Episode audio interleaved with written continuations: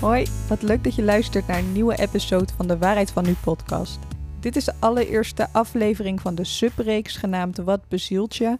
En in Wat bezielt je schuiven gasten aan om te praten over wat hun bezielt en wat hun waarheid is op dat moment. En in deze aflevering sluit Maartje zich aan. Zij is sensieplantconsulent, wat een natuurlijke geboorteregelingsmethode is. Daarnaast is ze student Eco-Intention, waarin je leert ecosystemen zoals bedrijven of natuurgebieden energetisch en spiritueel terug in balans te brengen. En ze is bedrijfsleider bij een commercieel bedrijf. En daarnaast is ze ook mijn zusje. We praten onder andere over vrouwelijke vruchtbaarheid en waarom dat ook voor mannen interessant is, seksualiteit en communicatie, spirituele schaamte in een zakelijke mainstream omgeving en in je kracht durven te gaan staan. Daarnaast een korte disclaimer. Elk vrouwenlichaam of elk lichaam in general is uniek. Deze podcast is absoluut geen vervanging voor medisch advies. Dus wanneer je klachten ervaart of ergens over twijfelt, raadpleeg altijd een arts. En daarnaast, er wordt vanuit ervaring en ieders persoonlijke waarheid gesproken in dat nu moment. Goed, wat leuk dat je luistert en let's get started. Maartje, ik uh, wil je van harte welkom heten in de Waarheid van Nu uh, podcast en in de subreeks Wat bezielt je? Ik vind het superleuk dat je er vandaag bent en dat je de tijd hebt genomen om um, met mij in gesprek te gaan over wat jou bezielt. Dus ja, van harte welkom. Ik vind het ontzettend leuk dat ik hier mag zijn. Sentieplan, ik ga ervan uit dat dat voor de luisteraars een onbekende term is.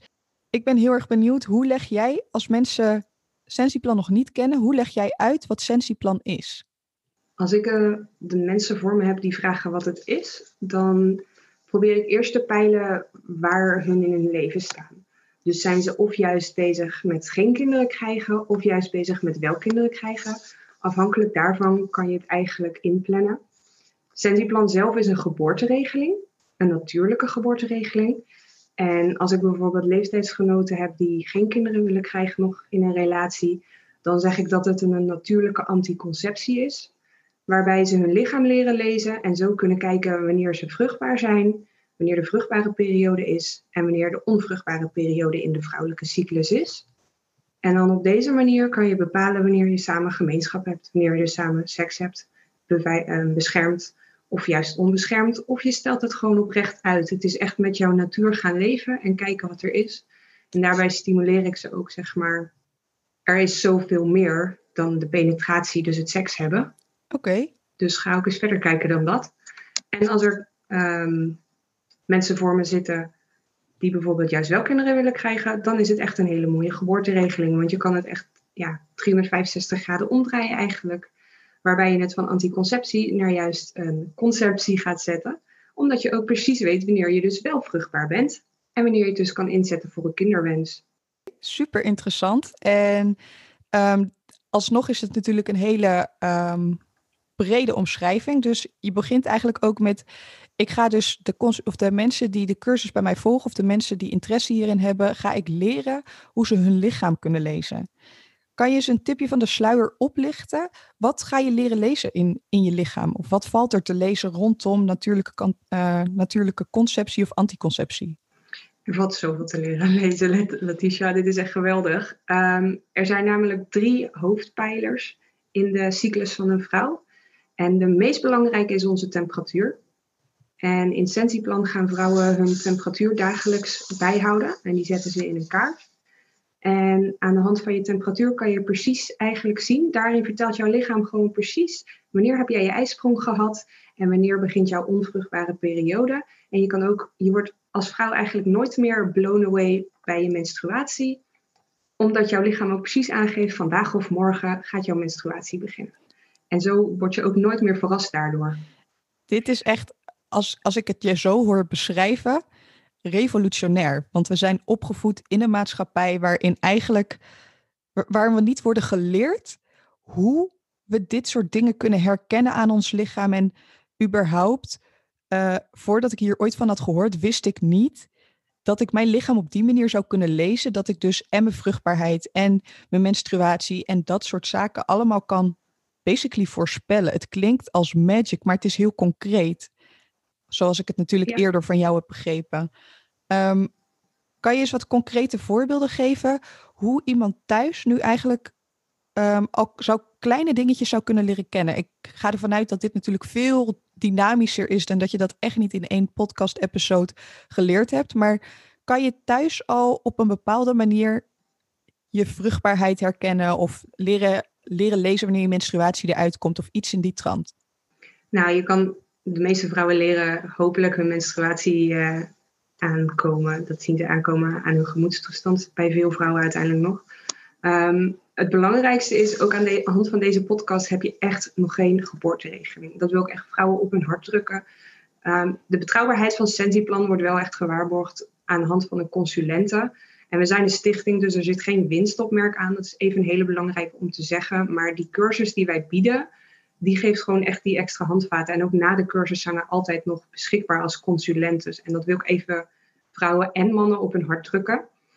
Mhm. Een belangrijke um, wat, wat vrouwen bijvoorbeeld kunnen herkennen, wat voor mij echt een eye-opener was via Sensiplan, was eigenlijk het cervixslijm. En dit is het slijm wat uit jouw um, baarmoederhalskanaal komt. Dat wordt daar geproduceerd. En dat kan je eigenlijk aan de buitenkant zien. En dat zit meestal tussen de schaamlippen. En heel veel vrouwen hebben meestal een witte afscheiding bijvoorbeeld in hun ondergoed. En dit is gewoon normaal. Ik wil vrouwen op een hart drukken, iedereen heeft dit. En gedurende je cyclus verandert dit. En dat leer je herkennen bij Sensiplan. Het gaat van dikkig naar bijvoorbeeld heel erg vloeibaar.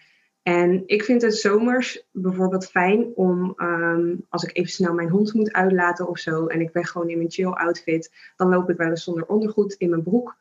En als het dan gewoon een lekkere losse broek is, dan had ik zomers bijvoorbeeld, als ik onder mijn ijsprong was, dat er in één keer een druppel langs mijn been ging. En dan dacht ik, huh? Shit man, ben ik nou incontinent? Ik ben 24, ik ben 25 en ik ben incontinent. Hoe kan dit nou? Oh mijn god, ik moet naar de huisarts. Ik kan mijn plas niet meer ophouden. En dan raakte ik eigenlijk lichtelijk in paniek. En met Sensiplan leerde ik dat ik op dat moment hoogstwaarschijnlijk mijn ijsprong had. Of in ieder geval, mijn hormonen waren zo aan het veranderen. En daardoor werd mijn cervixslijm zoveel vloeibaarder loopt het gewoon letterlijk eigenlijk uit je vagina, uit je vulva, erlangs. En langs een, als een druppel water langs je been. En dat is geen urine. Dit is gewoon een teken van, je bent super vruchtbaar. Je slijm is aan het veranderen. Jouw lichaam geeft jou gewoon signalen van, mocht je kinderen willen... Uh, je slijm is nu geweldig voor sperma om het in leven te houden en te begeleiden naar dat eicelletje.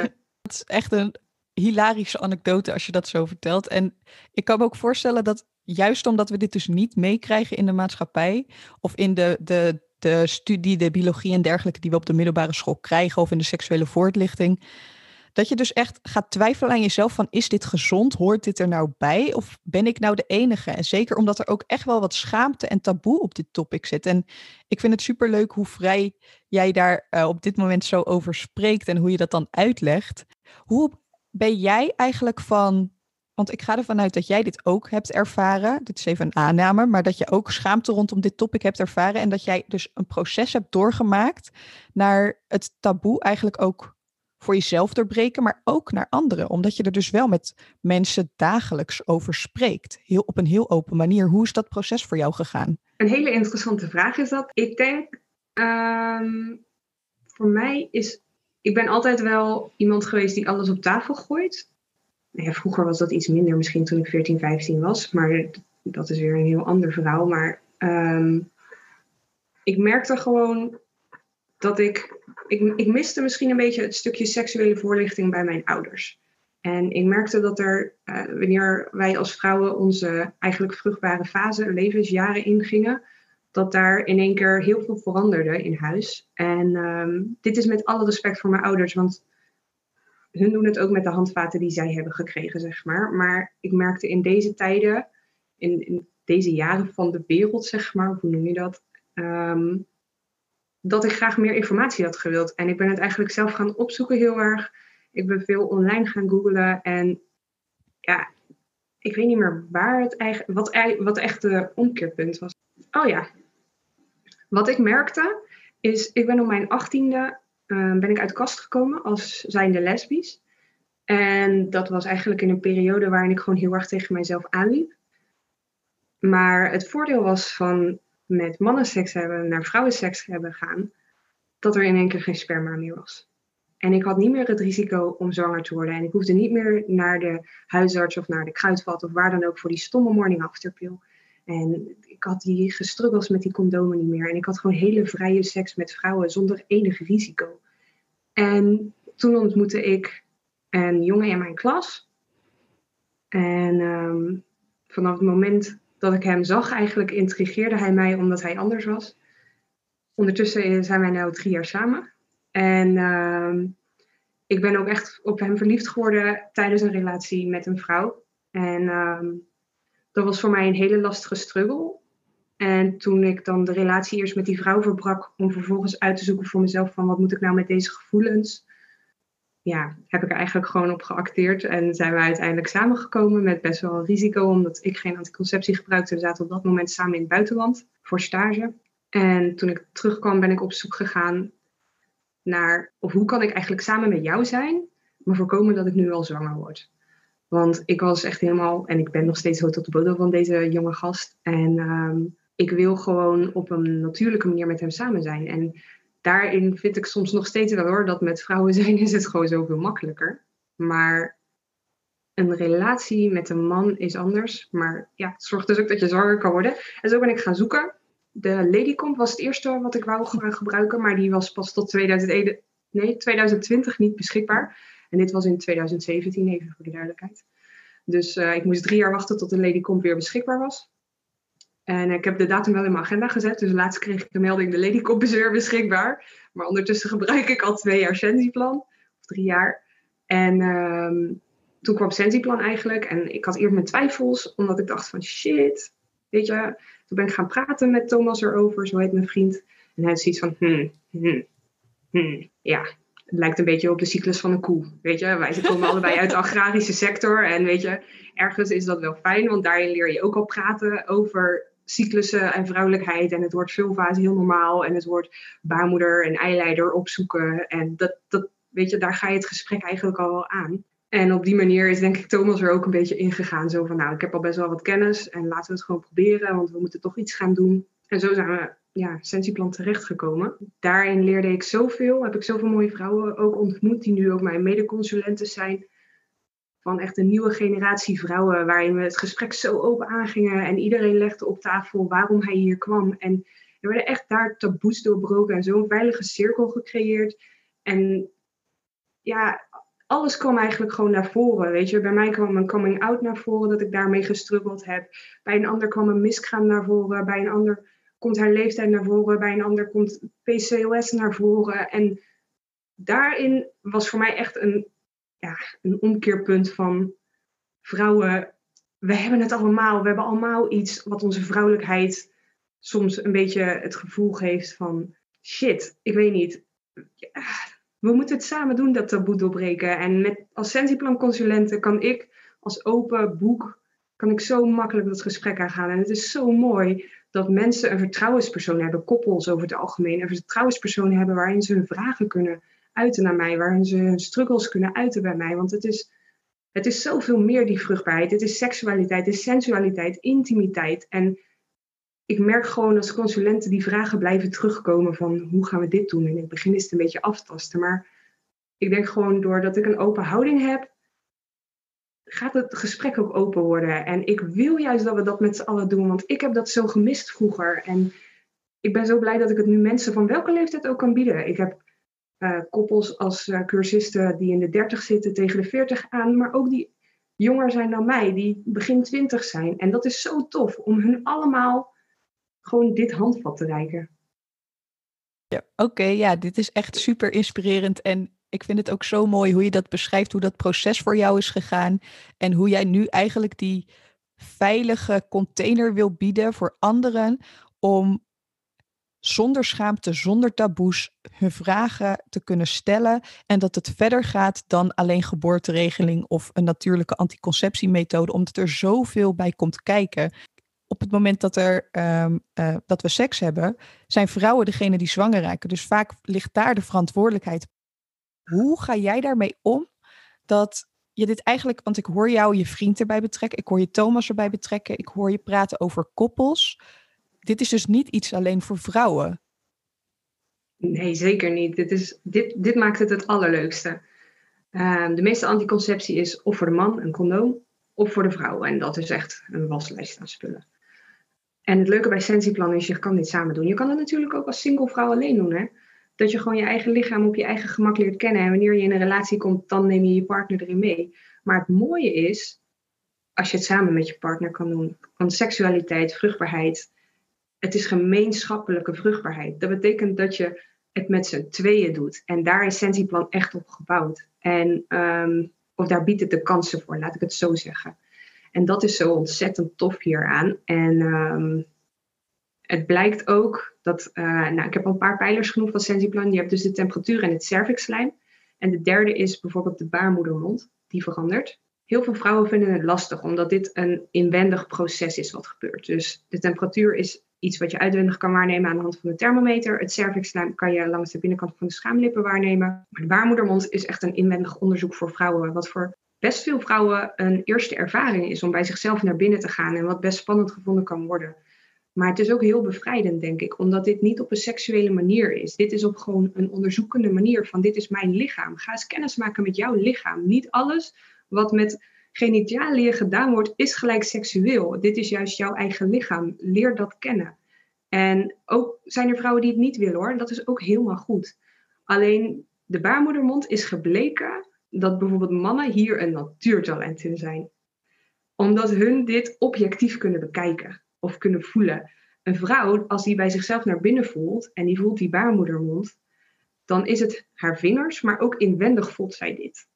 En dan is het zo kijken van wat voel ik nou precies. Een man die voelt, want die voelt alleen maar wat er in die vrouw gebeurt. En die kan dus elke dag dat proces zien veranderen. En op de een of andere manier zijn mannen hier echt een natuurtalent in. En dat is zo leuk. Om dat dus ook mannen te stimuleren van goh, ga eens bij je vrouw of bij je partner inderdaad voelen. Doe dat s'morgens als jullie wakker worden of als je samen in de douche staat of zo. Of doe het s'avonds na het eten, probeer het op een vast tijdstip. Ga gewoon eens voelen, wat verandert er nu? Want er zijn best wel wat zaken die veranderen aan die baarmoedermond. Allemaal onder invloed van die hormonen. Dus wat, wat zijn, hoe kan een baarmoedermond uh, veranderen? Want ik kan me voorstellen dat mensen hier eigenlijk nog nooit van hebben gehoord dat een baarmoedermond gedurende je cyclus tijdens onder invloed van hormonen dus eigenlijk verandert. Wat, ja, wat kan je concreet opmerken? Um, een belangrijke is dat die hard en zacht kan worden.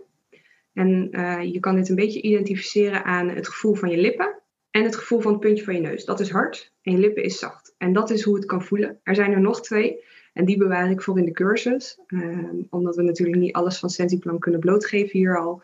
En um, dit is wel een belangrijke, zeg maar, die je kan voelen. Wat de man echt wel concreet kunt, kan gaan voelen. En een, een leuk zijsprongetje misschien is wel dat um, de baarmoedermond is zo'n gevoelig orgaan voor vrouwen. Dit is waarschijnlijk ook een hele leuke voor de mannen onder ons als jullie dus goed hiermee omgaan, leer dat eens kennen. Eerst via Sensiplan, maar daarna ook tijdens seks.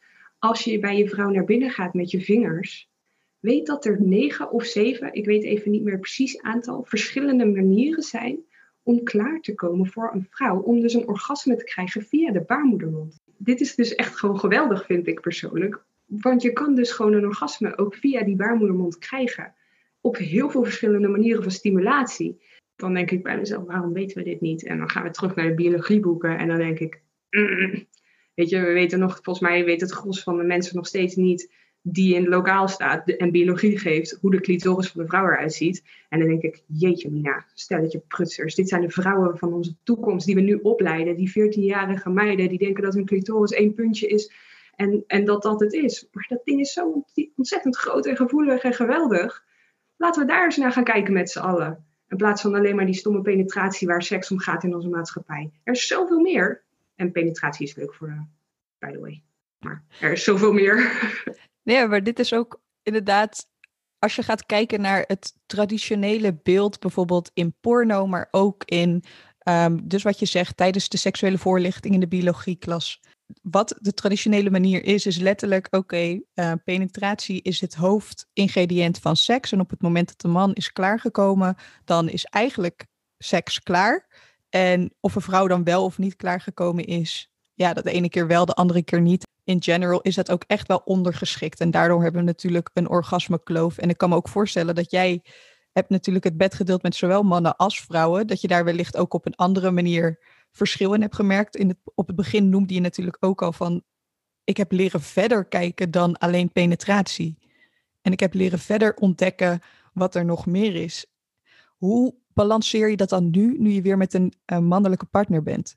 Ehm, daar leer ik zoveel over op dit moment nog. En ik denk dat ik voorlopig nog niet uitgeleerd ben. Ik heb bijvoorbeeld ook nog die traditionele, conventionele ideeën gehad toen ik in deze relatie stapte. En soms nog steeds wel. Ehm, is dat als mijn partner niet is klaargekomen, dan is de seks niet af. Ik merk gewoon dat ook, uh, hij woont vaak in het buitenland, dus dan hebben we het er niet zo heel erg veel over. Want dan gebeurt dit bijvoorbeeld niet, dan hebben we geen gemeenschap. Maar nu is hij weer in Nederland en dan kom ik er dus achter dat hij zegt letterlijk, klaarkomen is niet de must. Het gaat voor mij om dat ik met jou ben. Die intimiteit die wij dan delen is zoveel belangrijker dan dat dat sperma eruit komt. Hij zegt, dat is voor mij geen must. En dat was voor mij echt zo van, mijn mond viel gewoon open. Dat ik dacht van, wat? Wat heb ik dan mijn hele leven allemaal de man lopen pleasen naar dat, naar dat speciale moment? Want het is zo geweldig. En hij zegt van, nou ja, het gaat echt ook om de intimiteit en het samen zijn met jou. Hij zegt, ik heb jou gewoon gemist. Ik heb jouw lichaam gemist. En ik wil gewoon die connectie met jou delen. En of ik klaarkom of niet, zo so be it, weet je. En heb jij dan ook ideeën of een mening hoe we dit in general, want ik zou het echt wel als een probleem willen bestempelen, dat er, er is zoveel nog te ontdekken. En de manier hoe we dus, om even terug te pakken, hoe we, um, hoe we seks voor het eerst krijgen te zien op, via porno en via de traditionele uh, rolmodellen, dat is natuurlijk compleet achterhaald aan het worden. En gelukkig zijn steeds meer mensen zich daarvan bewust. En heb jij dus een partner die daar um, hij is niet geïndoctrineerd eigenlijk door die limiting beliefs van oké, als ik niet ben klaargekomen, dan um, is seks niet af. En wat ik dus hoor in jouw verhaal is dat juist jij in dit geval degene bent die dus dat die aanname of die mening moet herschrijven en dat dat nog steeds een ongoing process is. Heb jij dan een idee erover hoe we dat in de maatschappij of gewoon in general voor de mensen die nu aan het luisteren zijn kunnen aanpakken? Hoe kan je daarmee beter mee omgaan? Hoe leer jij dat? Dat is een goede vraag ook weer. Goh, een goede vraag worden gesteld. Ehm, nou, ik denk gewoon zoals we het nu doen. Gewoon praten erover. Ik had toevallig van de week had ik met, uh, met mijn baas en zijn vrouw. Ik werk binnen een klein familiebedrijf waar mijn baas uh, werk ik echt direct mee samen, zeg maar. Zijn vrouw is heel veel daar ook aanwezig. En het kwam neer op gemeenschap. En ehm, ze durfden het woord gewoon niet te zeggen. En toen zat ik daar echt zo van, gaat het nou, jongens, zeg gewoon seks. Ik zeg, iedereen heeft het. Ik zeg, jullie kinderen zijn eruit voortgekomen, ik ben eruit voortgekomen. Ik zeg, seks. heb ik gewoon keihard op de werkvloer daar gezegd, seks. en toen zaten ze daar zo een beetje te gniffelen en zo. En uh, nou ja, op zich, daarna ging het gewoon goed. En toen zei die vrouw, die zei ook van, ja, het is echt heel erg grappig. Ze zegt, want ouders willen inderdaad niet dat hun kinderen uh, seks hebben. Zeg, en ik wil eigenlijk ook niet van mijn kinderen nog weten. Ze zegt maar, als ze dadelijk een vaste relatie hebben, dan kan ik niet wachten tot ze kleinkinderen hebben. En dan zetten we allemaal, wanneer krijgen we kleinkinderen? Wanneer krijg kleinkinderen? En dan denk, en zei dat van, ja, maar die kleinkinderen komen via seks. En dat is wat jullie zo lang niet wouden dat je kinderen had.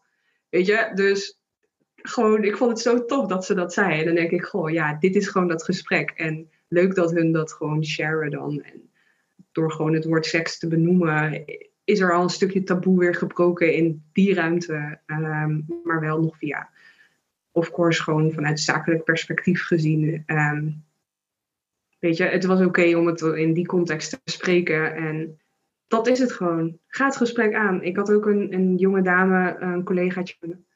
En die vertelde tegen mij van ik gebruik de pil. Maar ik voel me er niet fijn mee. Maar dat kwam dus eigenlijk omdat ik zo'n menstruatiekrampen had. En um, zij vertelde ook van ja, ik voel me echt te feminist vond ik geweldig dat ze dat zei. Ik hou daar echt van dat, dat vrouwen op die leeftijd, zij is denk ik 18, al zeggen ik ben feminist, dan denk ik yes, ladies, go for it.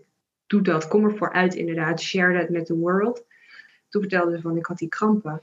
En toen had ik haar de vraag gesteld van, maar denk je niet dat die krampen, om, om die krampen zeg maar tegen te gaan, om dan een pil te gaan slikken, dat dat weer niet een mannelijke oplossing is? Waarom laten we die krampen niet zijn? Waarom gaan wij niet kijken? Waarom zijn die krampen er als ik menstrueer? Waarom heb ik pijn? Wat gebeurt hier eigenlijk? Want heel vroeger, jaren, duizenden, honderden, miljoenen, weet ik veel hoeveel jaar geleden, hadden vrouwen geen pijn. Waarom hebben wij pijn? En dat is de spirituele kant van menstrueren en je hele cyclus. En dan denk ik, waarom ga je naar die pil pakken? Met Sensiplan zie ik wanneer mijn menstruatie komt. En dan weet ik, ik merk het ook al aan mijn hele gemoedstoestand door. ik voel gewoon dat ik naar, naar binnen moet uh, keren. Maar ik weet gewoon, eigenlijk op die dag één van dat ik bloed, sinds ik zeg maar daar zo min mogelijk probeer te plannen en eigenlijk niks doe, is mijn hele cyclus veranderd.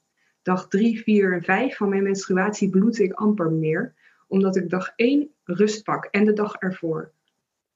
Kan niet altijd. Ik moet soms ook werken en dan moet ik ook intense dingen doen. Maar ik, als ik het weet en als, als ik afspraken kan afzeggen, dan zeg ik ze het liefst af. Want ik wil op dag 1 in mijn holletje kruipen met mijn kersenpittenzak, met een kopje thee, in bed, met een feel-good Netflix-serie.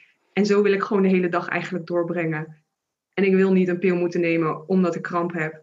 En nu tegenwoordig, als ik op mijn werk zit en ik begin te bloeden, dan denk ik, shit, ik moet naar huis. Soms ga ik naar huis, dan meld ik me gewoon ziek en dan denk ik, ik kan dit gewoon niet, afhankelijk van welke dag het is.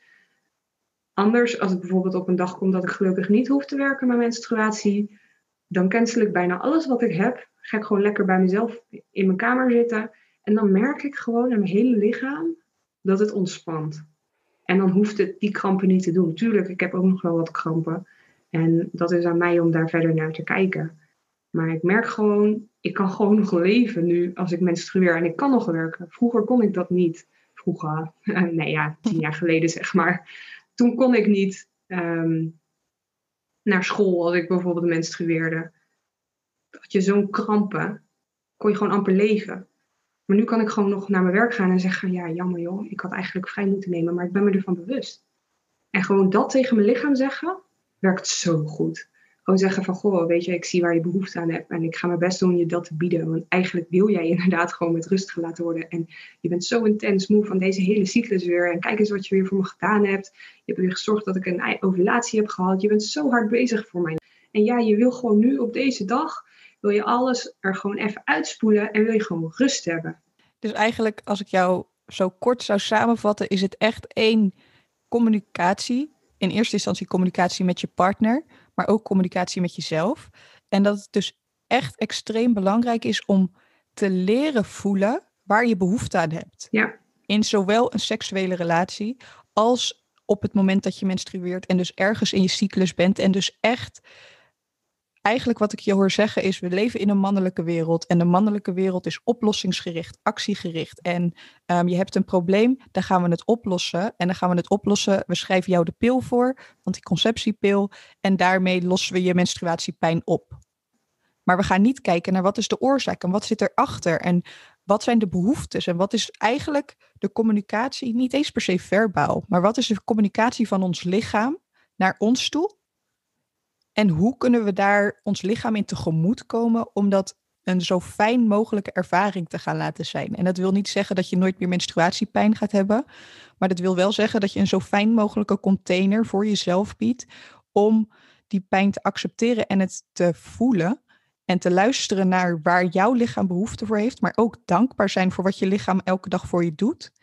In plaats van eigenlijk gewoon doorgaan, doorgaan, doorgaan in gedreven actiemodus, in um, wat dan ook.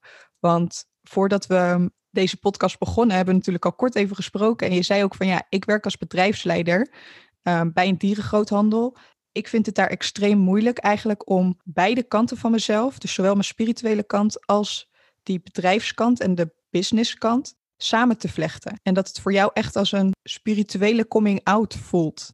Wil je daar eens wat over vertellen? Ja.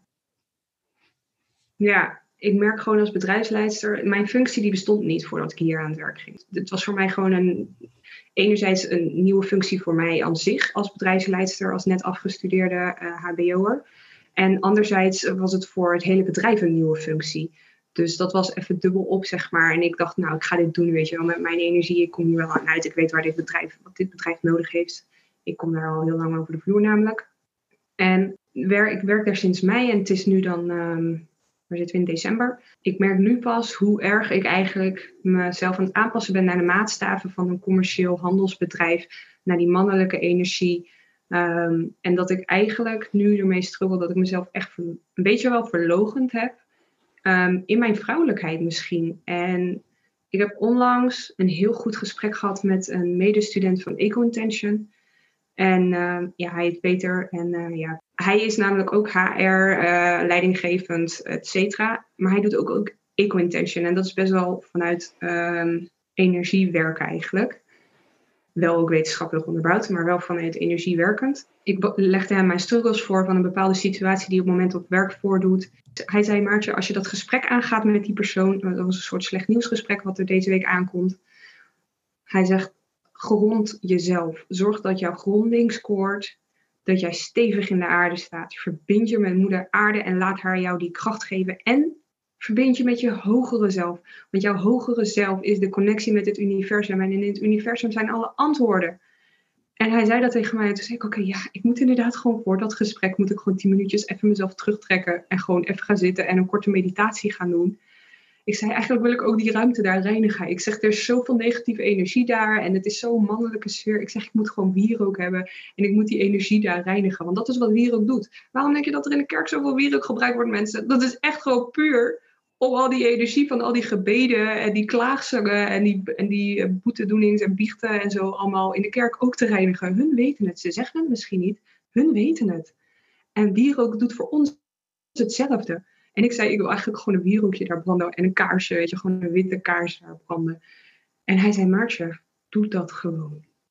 En ik zat daar en ik barstte in het jank uit. Er zat daar een man van een jaar of zestig tegenover mij, leidinggevend, HR, een heel leven vol ervaring. En die zegt tegen mij: Je moet gewoon spiritueel uit de kast komen. Hij zegt: Doe dit gewoon.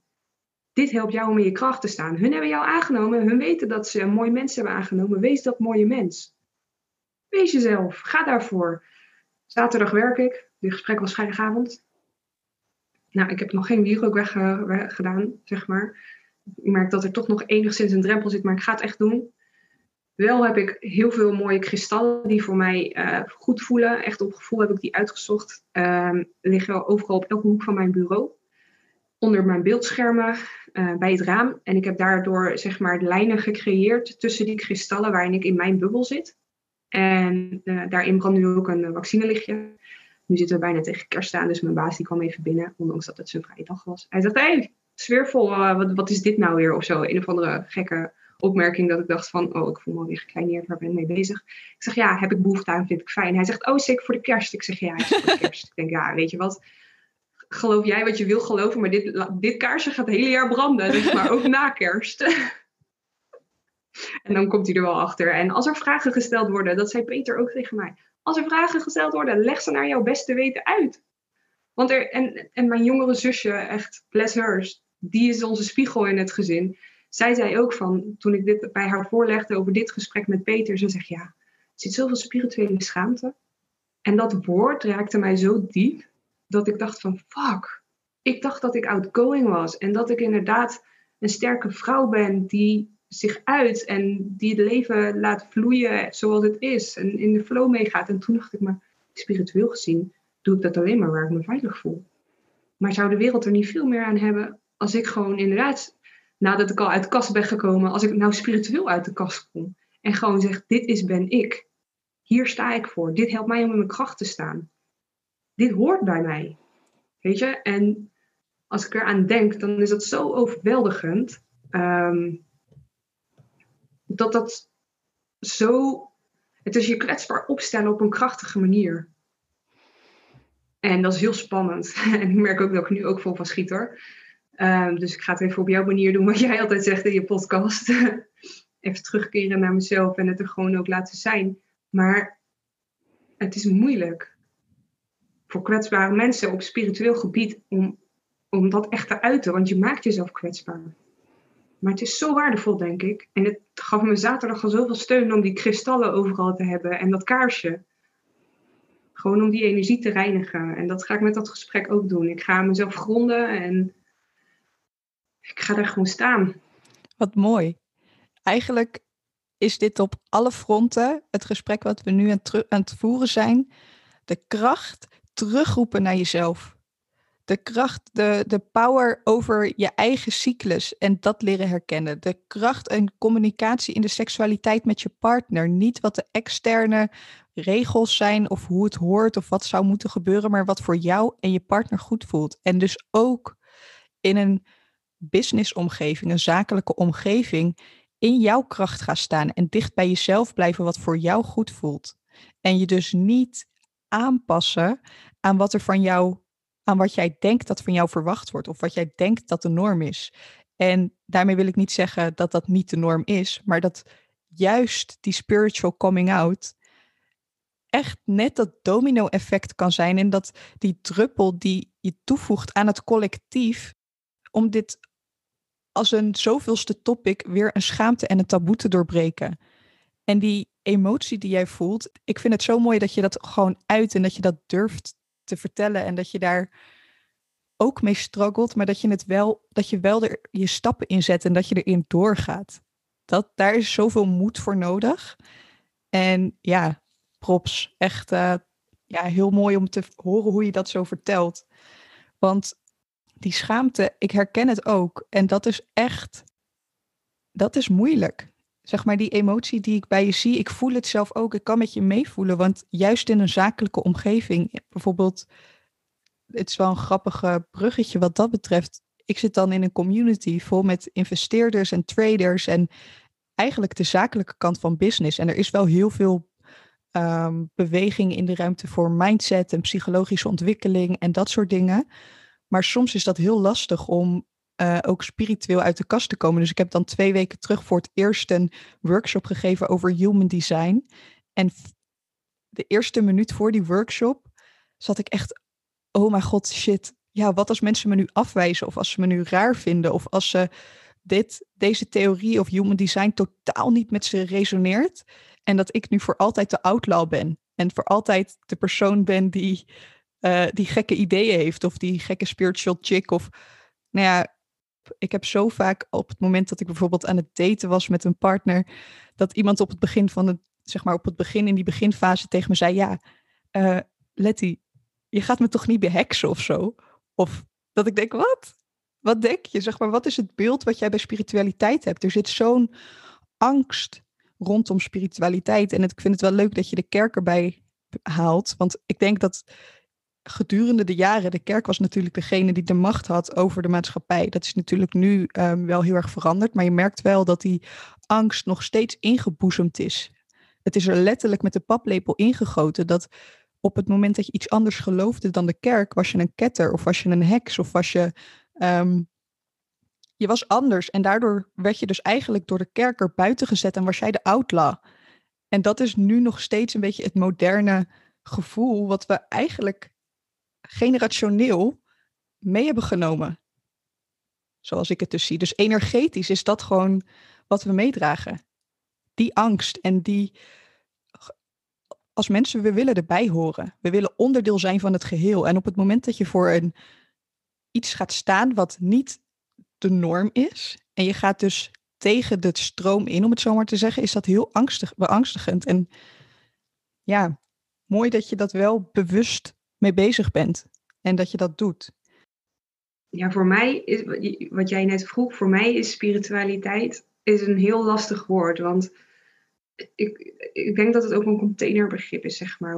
Um, het is voor iedereen anders. Bij ons in het gezin zie je dat ook. We zijn een best wel spiritueel gezin en iedereen doet het op zijn of haar manier. En we vullen elkaar daarin aan. En ik denk dat dat ook, als je ervoor uitkomt, dat je zeg maar elkaar aanvult. Omdat er heel veel mensen iets hebben. Ook met religie kan je spiritualiteit en religie vullen elkaar ook aan. Wij zijn christelijk opgevoed thuis en ik merk gewoon, en ik kom nu in mijn cursus kom terug, dat het onze vader is echt heilig. Die woorden resoneren met numerologie.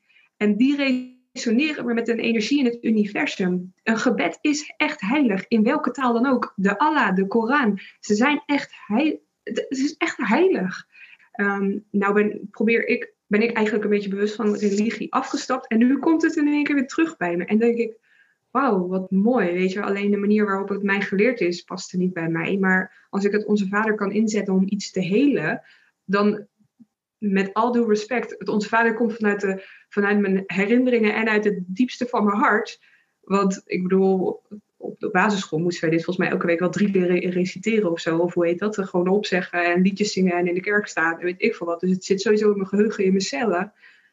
Maar nu komt het ook zeg maar vanuit gevoel. En dat is wat er soms ontbreekt. Het gevoel erachter van niet het onze vader gewoon opzeggen omdat het moet. Maar nu zeg ik het onze vader op omdat ik weet dat het heilig is. Omdat het heelt. Omdat het iets magisch heeft. En het universum het omarmt, zeg maar. En vanuit daar denk ik dat religie en spiritualiteit zo mooi is.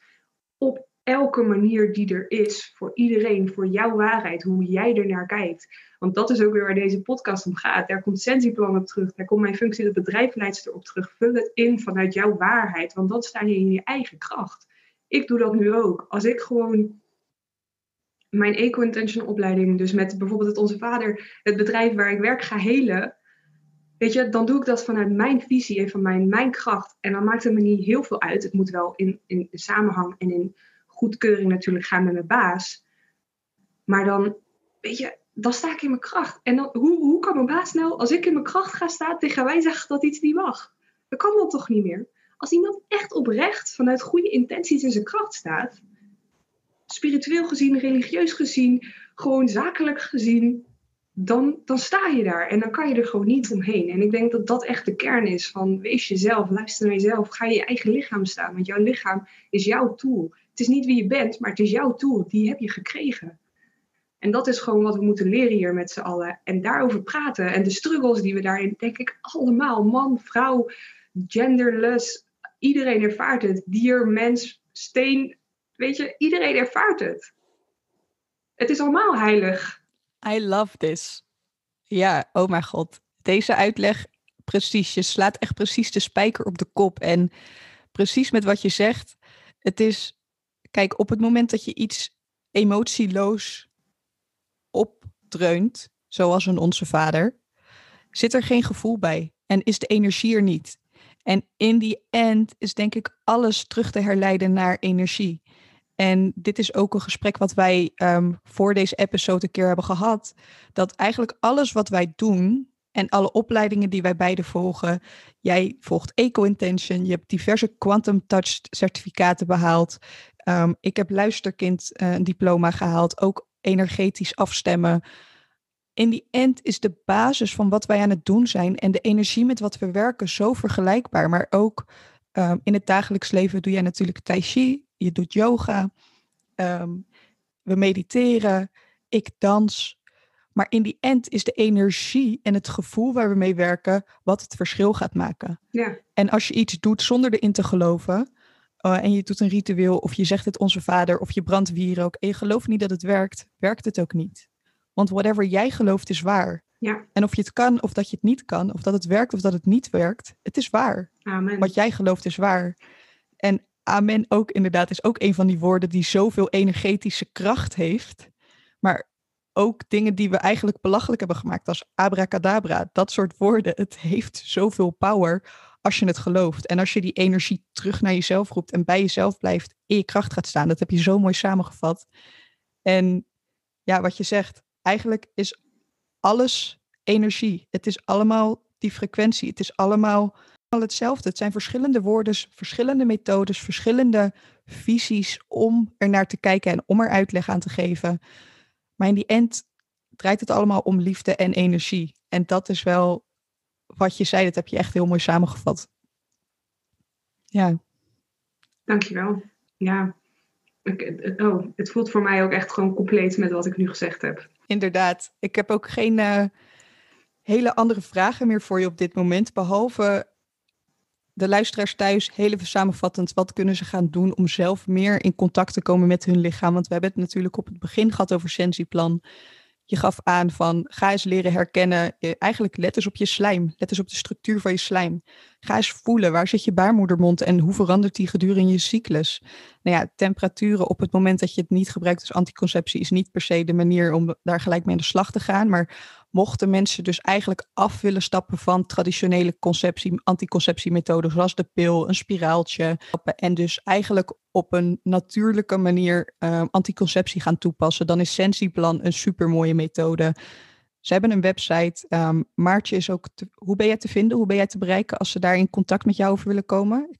Um, ik sta als consulent inderdaad op de website van uh. En daar staan ook door het hele land consulenten.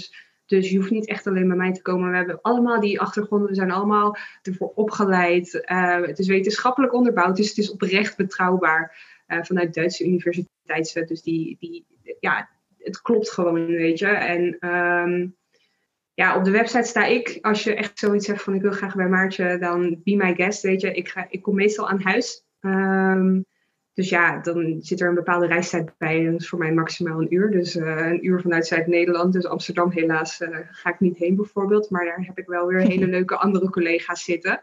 En um, ja, weet je, het leuke aan Sensiplan is je investeert één keer in iets, in een cursus van vier avonden. En eventueel een vijfde. En um, dat is, bijna, dus 265 euro, daar investeer je dan in. En dan heb je een consulent voor de rest van je leven en een methode die je in elke levensfase kan inzetten. En je kan hier ook mee beginnen als je 40 bent, weet je. En je kan hiermee beginnen als je 18 bent. En je kan hier, alles daartussen kan je ermee beginnen, zeg maar. En dat is zo ontzettend leuk. Um, en het is ook um, na de pil, als je stopt met de pil, dan kan je het daarna gelijk inzetten. En er zit niet eerst nog een periode achter van uh, je moet eerst de pil laten uitwerken je zal zien dat de cyclus nog wel beïnvloed wordt door die hormonen. Um, maar dat is gewoon oké okay. en daar kunnen we gewoon met ze samen naar kijken. Dus ja, en omdat het 265 euro is voor vier keer voor de rest van je leven, denk ik, hoeveel betalen vrouwen voor de pil per maand? Volgens mij moest ik 20 euro per maand betalen. Ik heb al een jaar gebruikt, dus dan zit ik al op uh, 240 euro. Dus... Als je het gebruikt als anticonceptie, is een kind duurder. Ja, precies. Dat sowieso. Ja, inderdaad. Oké, okay, dus Sensiplan, uh, dat is dus iets wat mensen zouden kunnen onderzoeken op het moment dat ze geen hormonen meer willen gebruiken. En verder is echt de strekking van, um, van ons gesprek.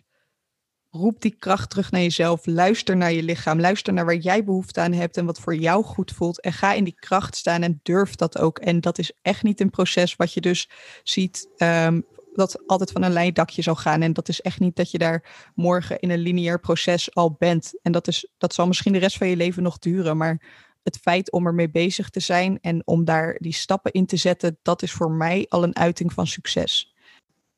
Ja, inderdaad. Ja, die kwetsbaarheid durven tonen en gewoon jezelf durven zijn in een maatschappij ja. waarin dat niet altijd um, gestimuleerd wordt. Dus. Ja, en zelfs nu denk ik, shit, heb ik nou net gezegd dat ik soms zonder ondergoed rondloop? Moet ik dat wel doen op het internet? En dan denk ik, ja, weet je wat, fuck dit. Ik weet zeker dat er heel veel mensen zijn die zonder ondergoed af toe rondlopen. En als ik die vrouwen kan helpen die zonder ondergoed rondlopen op het moment van een ovulatie en een druppel langs hun benen hebben, dat ze en niet oncontinent zijn en geen infectie hebben, dan denk ik, dan is het alles het waard. Dus bij deze, dat is het gewoon. Het is helemaal oké. Het is helemaal oké. Nou, Maartje, enorm bedankt voor jouw openheid en voor jouw, het delen van jouw kennis en voor het delen van jouw kwetsbaarheid in en hier gewoon helemaal authentiek um, je verhaal delen. Ik vind dat prachtig. Dus echt heel erg dankjewel dat je de tijd daarvoor hebt vrijgemaakt. En jij dankjewel dat je de tijd en de ruimte hebt gemaakt dat dit mogelijk is.